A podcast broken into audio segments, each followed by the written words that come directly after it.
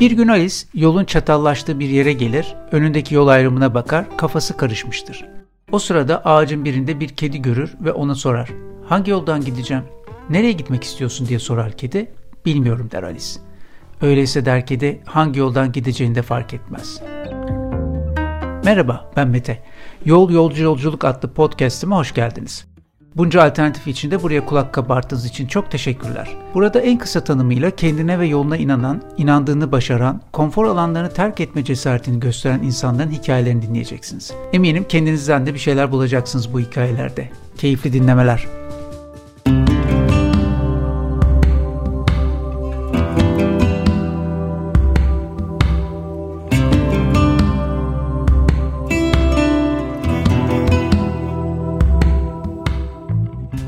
Merhabalar. Bu hafta yol yolcu yolculukta yine e, aldığı eğitimin dışında bambaşka yollara sapmış diyeyim artık orada ilerleyen diyeyim. E, sevgili Ercüment Degidben var. Almanya'da iletişim tasarımı okudu Ercüment Bey ama bizim tanışma ve sohbet konumuz kenevir. E, şimdi aslında nereden başlamalı Ercüment Bey? Almanya'dan Türkiye'ye bir geri dönüş hikayesi, bir göç hikayesi var. Oradan başlayıp uzun yolculuğu Kenevir'e doğru yönlendirelim. Ne dersiniz? Ya aslında bir geri dönüş değil. Ya ben orada doğdum. Yaşadığım ortamda e, orada liseye gittim, üniversiteyi okudum. Çevremde çok daha fazla e, Almanlarla beraber yaşadım ama aynı zamanda da e, ve benim hayatımın ilginçliği veyahut da farklılığı veyahut da renkliliği ve e, bunu e, ne kadar acı şeyler de yaşasak da bir zenginlik olarak gördüğüm e, iki dilli büyüme fırsatı ve iki dünyanın da bir insanı olma e, şeysi. Bir taraftan evde Türksünüz, aileniz, anneniz, babanız sizinle Türkçe konuşuyor, Türk kültürünün içinde doğup büyüyorsunuz. Kapıdan çıktığınızda başka bir dünyanın içine giriyorsunuz. Yani bir e, dünyalar arasında kapı kapının e, dışına çıktığınızda bir aslında bir yolculuk gibi de düşünebilirsiniz. E, farklı şeylerle, dış dünyanın iç dünyayla ilgisi olmayan e, bir şey e, oluştu, e, bir tecrübe oluştu orada. E, ve e, işte orada doğdum, 35 sene orada yaşadım Türkiye'ye gelmeden önce. Ben Almanya'dan göç etme e, düşüncem 2000'lerin başında oluşmaya başladı. Daha önceden de bu, bunları fark ediyorduk, yaşıyorduk çünkü bir e, yabancı isimli insan olarak. Yani tek fark benim e, ismim e, Peter olmaması, Ercüment olması. Onun dışında ben kendime e, Peter ve hatta Klaus desem hiç kimse benim e, annem babamın Türk olduğunu anlamayıp beni Hı-hı. öyle kabul edip şey yapacaklardı. Onu da yaşadım. Öyle durumlar da yaşadım ben. Ve aslında orada da bana tak etti. Ee, benim e, bana ismimi duyduktan sonra bakış açıları ve şeyleri yani bir etiket takılıyor size. Siz isteseniz de istemeseniz de bir etiket takılıyor ve ona göre bir davranış şablonları e, üzerinize konuluyor. E, isteseniz de istemeseniz de sizi bir, bir köşeye koymaya çalışıyorlar. E, size o şekilde davranmaya çalışıyorlar. E, yani insan olmanın dışında bir e, sizi bir gruba ait etmeye e, çalışma şeysi var. Ve Almanya'da bu tarihsel olarak da çok şey olduğundan, e, belirgin olduğundan toplumda maalesef böyle bir e, bir kalıplaşma halen var. Yani çok yavaş değişen bir, bir şey. E, tabii ki oradaki yaşayan diğer yabancılardan biz çok atipik olduğumuzdan e, bir taraftan evet oluyor ama bu davranışlar Almanların tarafından doğru mu değil mi? E, benim için şey oldu bir noktadan sonra e, dedim ki ya burada bu çoğunluğunun yaşadığı gibi yaşasam sen bir azınlıksın ve azınlığının e, şeylerini acılarını da çekiyorsun. Yani yabancı düşmanlığından tutun e, sinsi yabancı düşmanlık var. Yabancı düşmanlığı yapan insanların yaptığının farkında olmadan bir davranış şeklini yaşadım. Ve e, o bana şey dedi, e, ben buraya ait değilim. Hı hı. O zaman gideyim başkalarının da yabancı olduğu yerde yaşayayım diye Kanada'ya gitmeye karar vermiştim. Sonra şimdiki eşimle tanıştım. Eşim de e, Türkiye'de yaşıyordu. Dedim o zaman ya şimdi Kanada'ya gideceğim tamamen e, 35 yaştan sonra böyle bir yine hayata şey olacağımı en azından annemin babamın bana yaşattığı kültürün ortamının içine gireyim. 2005'te Türkiye'ye geldim bu nedenden. E, oradaki ofisimi kapattım. Yani mesleğimi e, yapıyordum orada. E, ağırlıkla da e, reklam e, ve iletişim e, sektöründe e, ben gıda sektöründe hizmet veriyordum. Müşterilerin çoğu gıda e, sektöründe çalışıyordu. Ondan gıdadan çok fazlasıyla bilgim vardı. e, bunu yapıp Türkiye'ye geldim. Ajansta çalışayım dedim ama e, kendi ajansım olunca e, siz işletmenin arkasını bildiğinizden e, neler döndüğünü ve sizin nasıl davranıldığını gördüm dedim ki yok artık iletişimle ilgili benim bir işim olamaz yani burada e, mesleğinin değerini maalesef tam olarak şey yapamıyorlar. Yani ben iletişim tasarımcıdan e, öte çok daha fazla bir tasarımcı yani bir şeyinin nasıl yaratılabileceğini yaratılma tarafında e, hep e, faaliyet gösteriyordum. Yeni olabilecek inovatif şekilleri yapma çabam vardı. Zaten eğitimin de temeli oradaydı. Ben yeni medya e, teknolojilerinle eğitim aldım. Yani televizyon şirketlerine çalışmıştım ve nasıl bir şey yaratılabilir? Yani tasarımın belli sınırların ötesine e, çıkmak e, her zaman benim böyle içinde e, eğitiminin temellerinde olan bir konu olduğundan tabii yeni şeylere de çok açık ol, olmuştum. Onunla e, benim için böylelikle yani bu benim yaptığım mesleğinin klasik çerçevesinin dışına çıkarsam ne yapabilirim? Ticaret yani sonuçta benim yaptığım bu çalışma da bir hizmet, bir ticaret akışında olan bir şeydi ve ticarete atıldım. Yani baktım Türkiye'de ne ağırlıklı yapılıyor. Ee, şeyden başladım ben ticarete. Ee, inşaat malzeme ticarete başladım. Sonra gene benim Almanya'dan müşterim geldi. Şey dedi işte ya beraber Türkiye'de bir şirket kuralım gıda üzerine. Sonra gene gıdaya döndüm inşaattan. Ama inşaatla ilgili çalışma yaparken arkadaş çevrem Almanya'da çok böyle ekolojik çevreci, çok e, hayatı ve çevresini, doğasını anımsayan bir kitleydi. Ve biz hep böyle işte geri dönüşüm, bir inşaat malzemesinin recycling'i nasıl olur yani? Şimdi bina yık yıkacaksınız. 25 sene kullandığınız binanın öbür tükendi. Eskide yeni bina yapmanız lazım. Onlar nasıl recycling oluyor? Bunun biyolojik e, yolu var mı? Derken Kenevir'i tekrardan keşfettim. Yani Kenevir'e hep bir merakım vardı. Öğrenciyken çevremde ve kendim yaptığım Kenevir'le ilgili tecrübeler okuduğum bir tane çok güzel Jack Arrow kitabı vardı 90'ların başında. Avrupa'da kenevir e, konusu tekrardan e, tarımsal uygulamaya geçtiğinde böyle bir kitap çıkmıştı. O kitap e, bende bayağı bir aklımda iz etmişti. E, ne kadar kabiliyeti, ne kadar güzel bir bitki olduğuna dair. Ercüment ee, Bey, o aklımda kaldı işte. Şey çok enteresan değil mi? Kenevire inşaattan dolayı gelmek çok ilginç olmuş. Hani bugün Türkiye şartlarında yani o çok ilginç geldi bana şu anda dinlerken. Bizim çağımız birçok şeyle uğraşmak gerektiğinden işte şey yapayım ben. Birkaç şeyle birden uğraşayım. Bir şey tıkanır, başka yerde bir kapı açılır size ve e, kapı açılıyor ee, şimdi inşaata baktığımızda Kenevil'de evet çok güzel avantajlar sağlayan bir e, çözümler sunuyor. Ama e, diğer noktalarına baktığımızda da ve Kenevil o kadar çok kabiliyetli bir bitki ki böyle çok sizi şeye e, sevk ediyor. Multitasking'e çok şeyi birden yapmanız lazım. Benim arkadaşlarım da bana hep şey derdi. Ya sen inanılmaz bir organizasyon kabiliyetin olan birisisin. Yani birçok işi birden yürütebiliyorsun ve onları sonradan da birleştirebiliyorsun. Ee, şimdi bu bunu şimdi Kennevil'e baktığımızda evet bunu yapmak gerekiyor.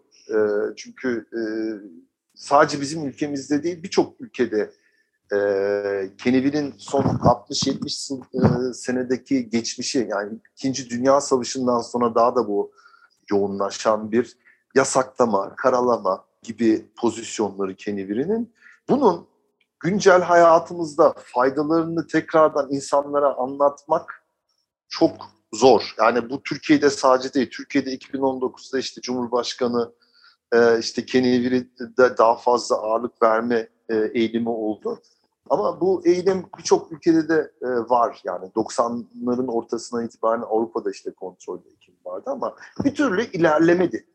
E, yani. Biri tuttu Ercüment Bey? Yani böyle hani birisi koşmaya çalışır, formasından yapışırlar, ilerleyemez ya. Onun gibi bir şey midir bu? Niye bu kadar engelleme diyeceğim? Yani hakikaten organize bir engelleme veya organize bir zorlaştırmanın e, amacı ne oluyor olabilir?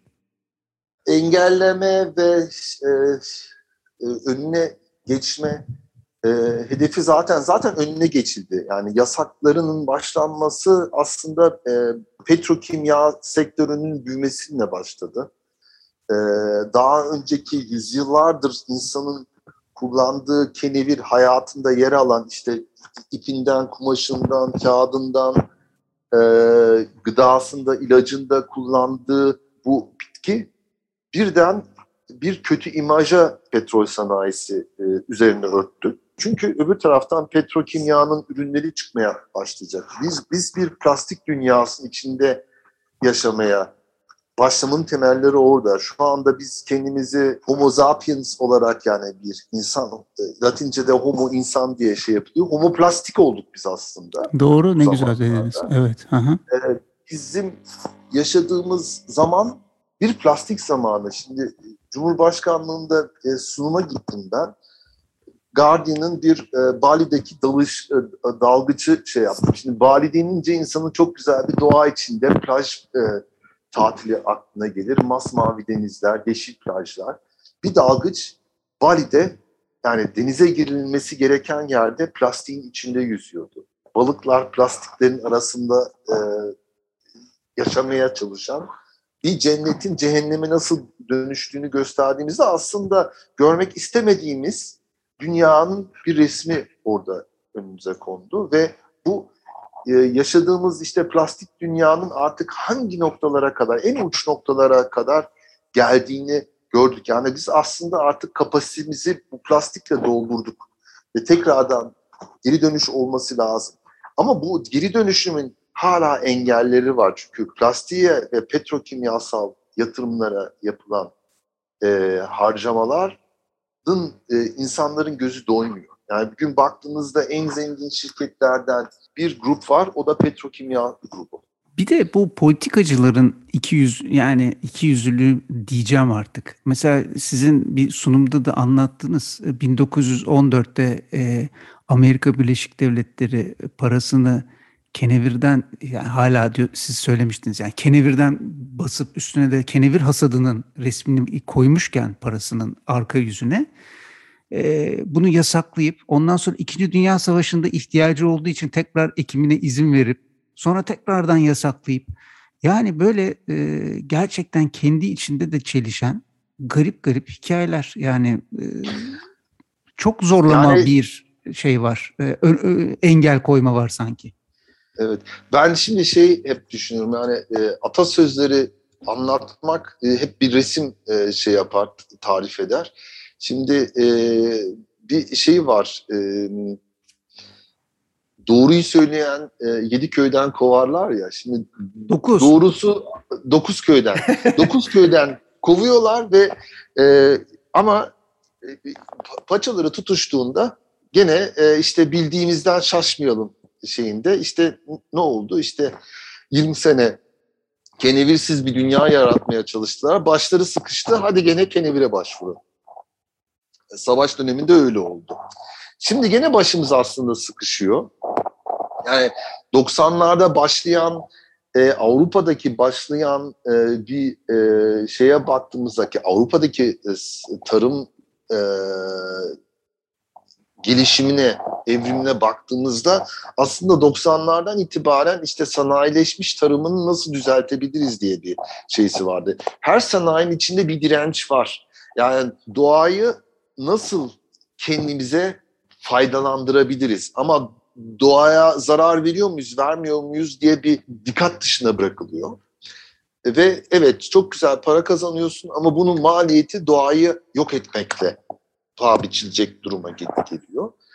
Ve artık o noktaya geldik ki e, doğanın rezervesi kalmadı. Yani oturduğumuz dalı kesmek üzereyiz ve düşmek üzereyiz. Ve e, ağaç çıtırdamaya başladı, dal çıtırdamaya başladı. Biz orada birden afalladı. İşte ormanların yanmasından tutun, sel felaketlerinin olmasından, dengesizliklerinin, yani doğa bize bir denge yarattığı yerde biz daha büyük bir de, tepe taklak e, bir noktaya geleceğiz. Yani kafamızın üzerine düşeceğiz. Belki o zaman akıllanacağız, bilmiyorum.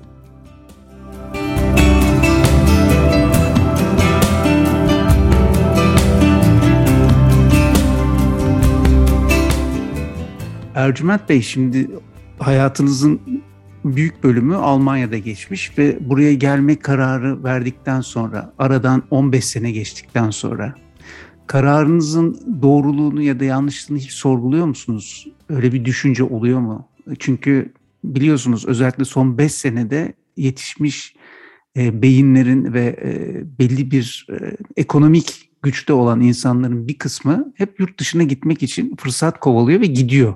Siz tam tersini evet. yaptığınız için izlenimlerinizi de öğrenmek istiyorum. Şey oldu benim için biraz yani bu hayatta olduğu gibi Ninyan gibi yani e, orada ben Türktüm burada Alman oldum geldiğimde Almanca olarak şey yapıldı. Tabii ki o zaman benim Türkçem e, çok güzel bir kelime bir Belçika'dan e, gelen bir Türk bayan söylemişti. Defolu Türkçemle burada hayatımı sürdürmeye çalıştım. Baştan Ankara konforlu rahat Avrupa'yı bir yaşam türüydü. Yani adapsiyonum daha kolaydı ama tabii ki e, ne kadar nerede olursanız olun bu ülkede e, tabii ki e, Türk düşüncesi ve yapısı e, işlere özellikle iş hayatında yaklaşımlar çok çok farklı. Zamanın farklı aktığını, insanların zaman algısının çok daha farklı olduğunu, bazı şeylere zamana bırakması gerektiğini, başlıklar var bu ülkede öğrendiğim. Bir tanesi sabır, bir tanesi de merhamet. Yani e, Şeyi öğrenmediniz insanların... mi Ercüment Bey? E, kervan yolda düzülürü hiç öğrenmediniz mi? Ya o zaten şimdi evet o bir e, çok güzel bir kelime ve Türkçe'de şey yapılan bir kelime. Evet tabii ki onu e, şey yapıyorsunuz da ama e, zaten hayatta e, kervan yolda düzülüyor. Yani hiçbir şey evde hani bizim atasözümüz var evde yaptığın hesap çarşıya uymuyor. O kervan zaten sürekli düzülüyor yola çıktığında. Yani o her zaman var da işte ne kadar e, yolda düzülüyor, düzülmüyor o e, oradaki farklılıklar var. Ama burada zaten o kadar bir ilginç bir zamanda yaşıyoruz ki artık aslında e, şeye baktığımızda işte hep zaman yolculuklardan ben bahsederdim Türkiye ile Almanya arasında gittiğimde. Yani e, böyle farklı farklı kültürlere gittim. Ben ilk Amerika'ya gittiğimde 90'ların sonunda Amerika'ya gitmiştim. Kendimi Almanya'dan gittiğimde şey gibi hissettim. Ya burası bir 15 yıl e, önde bir yaşam gibi geldi bana. İnsanlar daha mesafeli, e, ilişkiler daha şey e, uzaktan kumanda edilmiş gibi her şey bir organize edilmiş, bir kanize edilmiş bir şekli vardı. E, Almanya'dan Türkiye'ye geldiğimde kendimi hep böyle bir 25 sene geri dönmüş gibi hissediyordum. Bu 15 sene içerisinde bu inanılmaz bir şekilde değişti. Tabii ki ülke e, gelişti, hayat standartları e, neredeyse eşitlendi ve hayatın sorunları da aslında eşitlendi. Yani karşımızdaki olan sorunlar da aynı oldu. Yani alıştıklarımızın ötesinde şimdi engellemeler ve sınırlamalar geliyor. İlk şeyimiz yaşadığımız drastik olay Covid oldu. Bir de Ercüment ee, Bey yani şimdi bilgi bu internet tabii ki her şeyi e, çok bollukla bize sunar oldu ama bir yandan da şöyle bir zorluğu ve sıkıntısı var bilgi konusunda. Doğruluğunu sürekli e, kontrol etmek zorunda olduğunuz, sürekli başka yerlerden teyitlemeniz gereken. Yani Tabii. akan çok büyük bir şey var e, ve neyin doğru olduğunu bulmak zor. Artı şimdi kişisel bilgiler ve tecrübeler çok değerli. Bizim tarafta da insanlar bunları paylaşmakta imtina ediyorlar. Yani elinde tutarsa, saklarsa kendisine faydalı ve işte birini birilerini kendine artık kaba konuşacağım biraz ama gebe bırakma gibi hani sürekli kendine bağlı olsun istiyor. Bizde çünkü bu bilgi paylaşımı, bunun organize edilmesi bilmiyorum yani çok az. Onu evet çok izliyorum, çok şey yapıyorum. Ee, çok da aslında hiç e, güzel bulmadığım bir davranış. Çünkü şey ben bunu öğrendim. Yani şimdi ben iletişim tasarım dünyasındaki yaptığım tecrübelerden. Bana yazılımcılar şey dedi, e, internet dünyası senesi bir sene eşittir dört internet senesi. Şimdi siz orada bilgi işliyorsunuz. Elinizdeki olan bilgi siz paylaşmazsanız, geliştirmezseniz, daha iyisini yapmaya uğraşmazsanız, yani bu paylaşımdan başlanır uğraş. O zaman siz zaten geride kalacaksınız. Sizin sakladığınız, başkalarına paylaşmadığınız şey zaten güncelliğini kaybetmiş olacak. Tabii. Bunun farkında değil insanlar ve o kadar hızlı dönüyor ki e, şimdi çok teknoloji hayatımız içine girdi. İnanılmaz her şey teknoloji ölçekte şey yapılıyor. Biraz da insanlık kayboluyor burada, yolda kalıyor. Bu teknolojide paylaşım olmazsa o zaman biz maddi değil manevi anlamda fakirleşeceğiz ve ona doğru da gidiyoruz. Peki Ercüment Bey şimdi iletişim eğitimi almış biri olarak sizin kenevire yönelmeniz, araştırmalar yapmanız, orada çok ciddi tanışıklıklar hatta bakanlıklar düzeyinde vesaire oluyor. Orada şöyle bir sıkıntı oluyor mu? Ya bu adamın asıl şeyi bu değilmiş ki. Nasıl ol yani ciddiye alınmama gibi bir sıkıntı veya söylediklerinizin dikkatlice dinlenmemesi gibi bir problem. Öyle bir şey oldu mu? Oldu tabii ki oldu. Yani şeyle de karşılaşıyorsunuz. Ee, bir ciddiye alınmama bir de tabii ki e, yaptığınız e, meslekten yola çıkarak e, evet e, kendimi kabul ettirebiliyorum. E, yaptığım çalışmalarla da zamanda pes etmeme yani 7 seneden beri bu konuyla şey yapıyorum. Ama tabii e, yani bir taraftan tabii burada bir saygı oluşuyor ama maalesef saygısız insanlar da çok ve kendi amaçlarını ne kadar aslında faydalı olmasa da karşı gelenler de var. Bana da karşı gelenler var ve orada gördüm evet siz doğruyu söylediğinizde nasıl da dokuz köyden kovuluyorsunuz. Ama şeyi karşınızda her türlü pozisyon sunsanız da karşı gelecek birisi varsa ve sizi e, dışarıda bırakmak istediğinde evet o zaman size şey yapıyorlar. Siz bir e, şey iletişim tasarımcısınız, konu uzmanı değilsiniz diye tabii ki e, ekarte etmeye çalışıyorlar. Ama doğru mu yanlış mı onu gelecek gösterecek. Şey e, ufak ufak e, sanayi keneviri işine doğru kayalım isterim. Tamam. Şöyle e, şimdi milat olarak belirlemek doğru olur mu emin değilim. Cumhurbaşkanı'nın 2019 Ocağı'ndaki yaptığı konuşma. Ee, Birleşmiş Milletler Dünya Sağlık Örgütü tavsiyesiyle kenevir ve türevlerini 1961 tek sözleşmesinin en tehlikeli uyuşturucu maddeler listesinden çıkardı ve yüksek ölçüde bağımlılık yaratan ve suistimali açık uyuşturucu kabul etti. Yani kenevirin şeyi de değişti değil mi? Daha tepeden dünyada da böyle sanki yumuşattılar bazı şeyleri. Evet. E, Cumhurbaşkanımız böyle bir konuşma yaptı. E, önemsiyoruz onun söylediği her şey bir farklı e, etkiler doğurabiliyor. E, fakat zaten bu ülkede hiçbir zaman sanayi kenevir ekimi yasaklanmış değil. Evet. Değil mi? Hiç öyle bir şey olmamış. E, Olmadı. Di, diğer taraftan da e, 60 senede çok ciddi bir ekim alanında daralma üretimde, tohumda daralma yani neredeyse yok. Yani istatistiklere girmeyecek kadar küçük rakamlar. Ee, iki buçuk sene oldu Cumhurbaşkanı bu kenevirle ilgili sözleri sarf edeli. Acaba devlet tarafından bir adımlar atılıyor mu? Atıldı mı? Bir yapılanma, bu işi örgütleme, ileri götürme, gerçekten bu toprakların bitkisi olan bir bitkiden faydalanma gayreti var mı? Görebiliyor musunuz böyle bir şey? Ya şimdi biraz bu 2019'un başındaki zamanın önüne bir geçmemiz lazım. Beş sene daha geriye gittiğimizde 2014'te aslında biz Selim Hoca ile eş zamanda bu konuyu ele almaya başladık. E, ve bir noktadan sonra 2019'a gelme noktasında da 2018'de ben e, Cumhurbaşkanı'na bir mektup yazdım. Sonra e, Ocak başında e, bu açıklama geldi. Euronews'tan bana bir arkadaş link attı sonra telefonumu çaldırdı.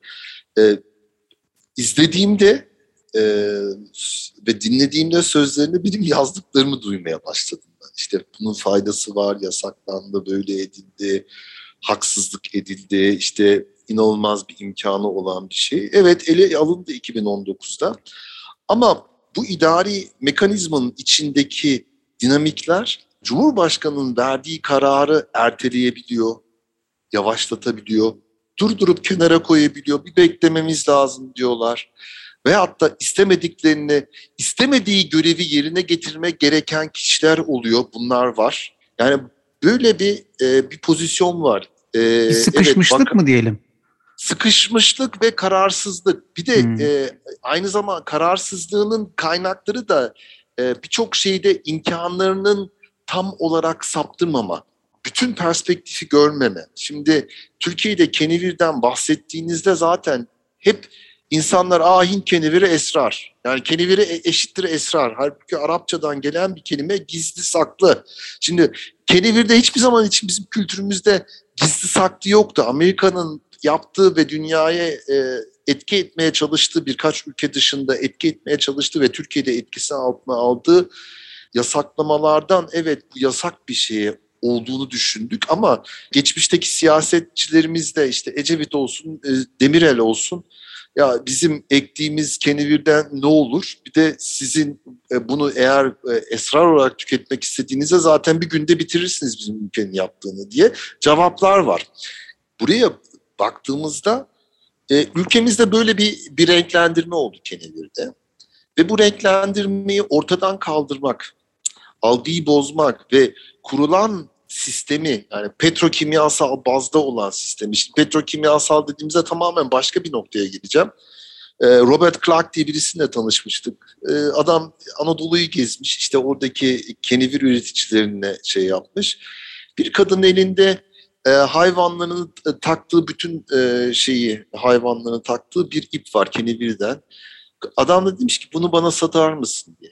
Yok satmam demiş. Çünkü elimin şeklini aldı, elimi acıtmıyor, e, tenimi e, tahriş etmiyor. Şimdi ben bunu şey yaptığımda bunun yerine plastiğini almam lazım. Şimdi plastik dünyası ne kadar bize güzel ve parlak da gösterseler yan etkilerini artık gör, görmezden gelemeyecek duruma geldik. Hı hı hı. Ve e, şimdi Burada bunu e, plastiği müdafaa eden ve hatta petrokimyasal bu tem, ürün temsilini müdafaa eden kişileri doğru noktaya almak çok önemli. Mesela şeyi örneğini vereyim size. Uluslararası Enerji Ajansı var. E, başında Türk beyefendi var Fatih Birol diye. Son senelerde röportajlarını okuyun. E, Fatih Birol şey der işte doğalgaz efendim petro petrokimyamız şeyimiz hala geçerliği olan bir şey. Bu seneye ge- geldik, 2021'e geldik ve e, enerji ajansının raporları değişti. Sürdürülebilen enerji geleceğimiz bugünümüz diye demeçler ve şeyler planlamalar e, içerisinde bulunmaktayız. Yani bir şeylerin değiştiğinin artık kabul etmemiz lazım. Petrolü artık bir elimizden bıraksak, alternatiflere gitsek, burada bir alternatifte evet e, geçmişte olduğu gibi kenevir.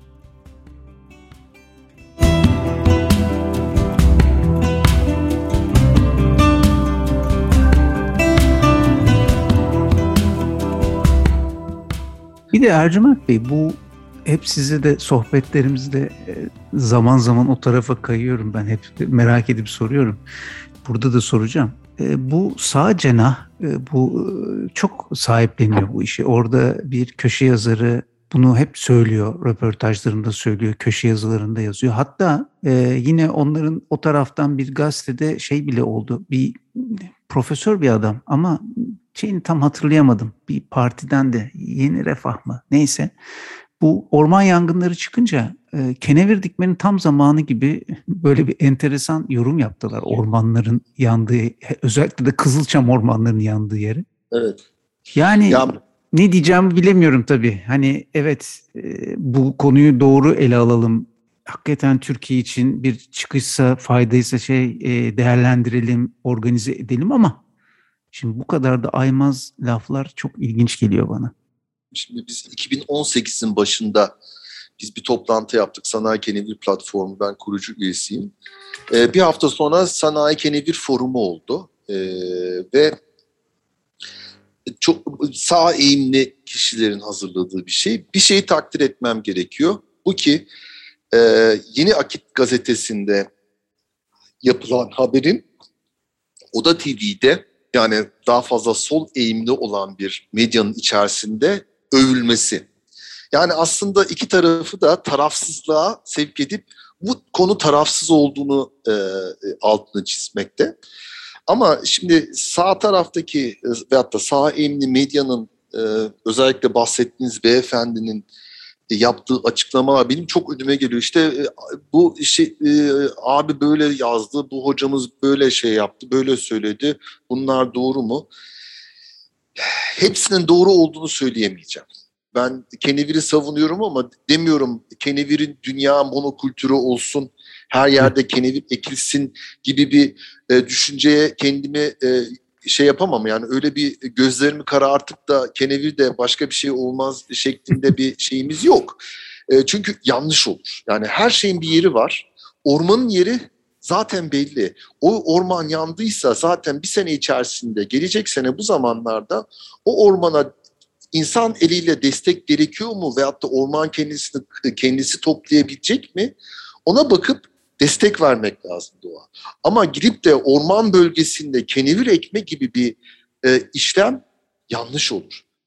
Türkiye'nin yüzde 60'ı yaklaşık e, BSK klima iklim sınıflandırmasına girer. Bu kurak ve kırsal dediğimiz bir toprak kalitesidir. Ve o kalitedeki toprakta keneviri ekebilirsiniz. Kenevirin toprağa bir faydası olacak ve kuraklığa karşı bir faydası olacak. Çünkü su dengesini bozmadan bitki dokusunun olabileceğini sağlayan bir imkan kenevir sağlıyor. Ercüment Bey şimdi tabii başka kavramlar yani konu o kadar derin ki çok kısaca bu etken maddelerinden de bence bilgi olarak çok kısa bahsedelim. Hani bu kenevirle ilgili sizinle yapacağımız projeyle projeyi de bahsedip öyle bir toparlayalım ama şu iki etken madde hem CBD hem THC'ni kısaca bir bilgi verseniz çok iyi olur. Evet. Şimdi aslında THC en popüleri diye şey yapalım. Yani e, yasaklamanın nedeni bu. Bir e, THC e, cannabinoid grubunun içerisindeki tek psikoaktif e, madde. E, bu amit asitlerinin e, alt grubunda e, amino asit e, grubunun içerisinde amit e, alt grubu bir protein grubudur. Ve e, aslında kendi bütün yaşayan e, canlıların e, vücudunda taşıyan bir kanabinoid, endokanoid sistemi, endo vücut içerisinde demektir. Exonun karşılığı endo, endokanoid sistemi var. Yani bizim beynimizde, eklem yerlerimizde 7-8 tane farklı endokanoid sistemli ve reseptörler var. Yani bunu vücudumuz üretiyor. Bizim e, sağlık sistemimizi, direnç sistemimizi arttıran bir şey.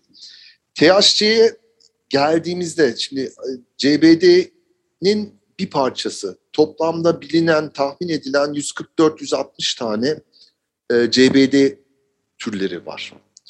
E, bunların e, C, B, D, G, N farklı sonları var. THC'nin de e, gruplamasında bir kömür atomun farklı olmasından dolayı psikoaktif şey oluşuyor.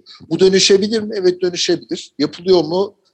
Ee, yapılabilir ama psikoaktif etkisini yani başka bir CBD'nin THC'ye dönüşmesi gibi bir insan vücudunda CBD aldığınızda psikoaktifleşme konusu yok. Yani CBD'yi aldım da psikoaktif oldu, kafam oldu, kafam iyi oldu gibi bir durum söz konusu değil. Ee, THC'yi bizim kullanmamız ne zaman gerekir? Evet bazı e, şey e, cümlelerde ve hatta kelimeler bunu İngilizce'de creational bir etken maddesi olarak şey yapıyorlar ve hatta Türkçe'de eğlenceliklik ve hatta dinlendirme e, etkisi yaratan bir madde olarak görünerek şey yapılıyor. E, ama burada bir şeyi çok dikkat etmek gerekiyor. Bir, e, bu THC'nin doğal oluşumu, zaten bütün kanabitlerin doğal oluşumu ama daha önemlisi 21 yaşına kadar vücudumuza THC'nin ulaşmaması. Çünkü beyin gelişiminiz 21 yaşında tamamen oluştuktan sonra siz THC'yi asıl etkisini o zaman yaşayabilirsiniz. Öbür türlü evet etkisini yaşayacaksınız ama sizin belli beyin fonksiyonlarınız yerinde olmadığından o beyin fonksiyonlarınız gelişmez.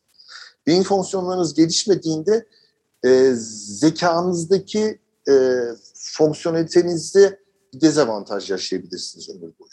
Diğer anlamda THC'nin büyük avantajları var. Evet, dinlendirici, şey yapabilecek bir noktası var. Tedavi edebilecek, özellikle kanser tedavilerinde iştah açan, ağrı kesen, doğal bir ağrı kesici olarak kullanılan. Zaten geçmiş tarihimizde bile çok örnekleri var. İşte İngilizce kraliçesinin kullandığından tutun Roma İmparatorluğu'nda bunun kullandığında, Orta Çağ'da çok kullanıldığında gördüğümüz ve 1800'ler, 1900'lerin başına kadar e, Bayer ve hatta Merck gibi ilaç şirketlerinin kenevir bazlı ilaçlarının sunduğunu e, hastalara biliyoruz. Şimdi burada bunun tekrardan düzenlenmesi ve yeni bilgilerle ve e, kaybettiğimiz bilgileri tekrardan e, ortaya çıkartmamızda ve yeni keşiflerimizde yeni olan ve eski olan hastalıklara nasıl tedavi e, edebileceğimizi bulmamız lazım ama bu sanayi keniliyle çok büyük bir bağlantısı yok. Evet sanayi kenevinin içinde CBD var ama THC yok. CBD'yi de zenginleştirmek gerekiyor. O nedenle bu tür ilaç ve gıda takviyesi için kullanılacak şeyleri biz tıbbi kenevir olarak e, gruplandırıyoruz. Bunlar farklı e, yani 2500 tane kenevir türü var. Ve 2500 tane kenevir türünün içerisindeki sanayi de var. Ama tıbbi e, anlamda kullanılacak şeyler de var. Ve tıbbi kullandığımızda İsrail burada çok ileride. 1950'lerin sonundan beri bu konuda araştırma yapıyorlar. En büyük problemimiz bir ilaç kullanıyorsanız bir ilaç standarttır. Yani ne diyelim siz parasetamollu bir ilaç alıyorsanız işte üstünde yazar 1 gram veyahut da 500 miligram diye. O bir standarttır. Şimdi kenevirde standartizasyonu yapmanız için kenevir hep e, aynı olması lazım. Doğal ortamdan çıkan bir etken maddeyi standartize etmek e, e, onun büyüme koşullarını standartize etmekten yola çıkar. Ve e, fark da buradan başlıyor. Yani tıbbi kenevirle e, bitki üretimindeki, tarla üretimindeki olan bir e, bitkinin farkı. En büyük fark orada ve türlerdeki etken maddelerin zenginliğinde devam ediyor. Evet, başta da söylediğimiz gibi yani bu kenevir gerçekten derya deniz bir konu. Hep sizle konuşuyoruz. Bu bölümün amacı da aslında kenevirle ilgili konuşmak değildi. Sizin bambaşka bir lisans eğitiminden farklı bir e, yöne doğru yaptığınız yolculuk, Almanya'dan Türkiye'ye yaptığınız yolculuk gibi şeylerdi. Dolayısıyla bu konu çok derin. O yüzden de sizde yapacağımız ayrı bir projemiz olacak. Belki ondan bahsederek e, toparlayabiliriz. E, çünkü bu konu farklı ilgi alanları, işte bilim insanları, bunun ticaretini yapan, işte e, alet kur e, hazırlıkları yapan pek çok insan var sizin bağlantılarınızdan. Bu insanlarla e, iletişime geçerek bu sizin kafanızda kurguladığınız organizasyon altında böyle bir sözlü bilgi bankası gibi bir niyetimiz var. Bunu kısaca evet. bir toparlayalım. Bu da noktamız olsun konuşmamızın. Evet, ya, yaptığım çalışmanın e, bu noktaya gelmesi aslında. E, ben bu çalışmaları yaparken e, neyi yapmamız gerektiğini, ne eksik, nasıl bunu tamamlayabiliriz ki e, bunu bir e, faydalı bir organizasyona dönüştürme şeysinden. Bir eksi bilgimiz çok. E, imkanlarımızın bilgisinde değiliz, potansiyelimizin bilgisinde değiliz. Bu bitkiyle biz neler yapabileceğimizi bir anlatma e, öğretme e, gibi bir misyon e, yükleniyor tabii ki böyle. Şimdi alanlar çok var ama biz bunu öncelikle kafa karışıklığı olmasın diye böyle beş kalemde şey yapmak istiyoruz. İşte gıda, tekstil, inşaat, tıbbi ve kağıt sektörü gibi sektörlere şey yapmak istiyoruz. Tabii ki tıbbi çok böyle daha sonra yapacağımız şey yani öncelikle ağırlığımız şu anda yasa zeminini verdiği e, imkanlar çerçevesinde e, bu sanayisi de Türkiye'de mevcut olan ve sanayisinin değişime girdiği, sürdürülebilen bir sanayiye doğru gidiyor giderken e, Kenevir'in bu konuda neyi olabileceğini anlatmak istiyoruz. Uygulamalar nedir? Canlı örnekleri nedir? Neler yapılıyor? Var mı? Çünkü bir şey anlattığınızda aa öyle bir şey var mı diye sorular geliyor. Aa, bu kullanılıyor mu? Yasak değil miydi? Bunu e, yesem bir şey olur mu bana gibi sorulara cevap verecek aslında e, bir bilgi bankası mı diyelim veyahut da örnekler mi diyelim onları tabii ki şey yapacağız e, geniş geniş konuşacağız. Konuların uzmanları katılacak. Çok ilginç ve insanlara da belki e, şey e, bu konuya daha farklı bakmalarını veyahut da bu konuyla uğraşmaya davet edebilir. Umarım öyle olur. Tekrar size teşekkür ediyorum. Hem paylaşımlarınız için, katılmayı da kabul ettiğiniz için. Bu yeni projemizde e, en kısa sürede e, pek çok yerden duyuracağız zaten. Orası için de şimdiden çalışmalara, okumalara başladım ben de. En kısa sürede tekrardan görüşüp bu konuyu detaylandırmak üzere diyorum. Bilgiler için çok teşekkür ediyorum Ercüment Bey. Ben de teşekkür ediyorum.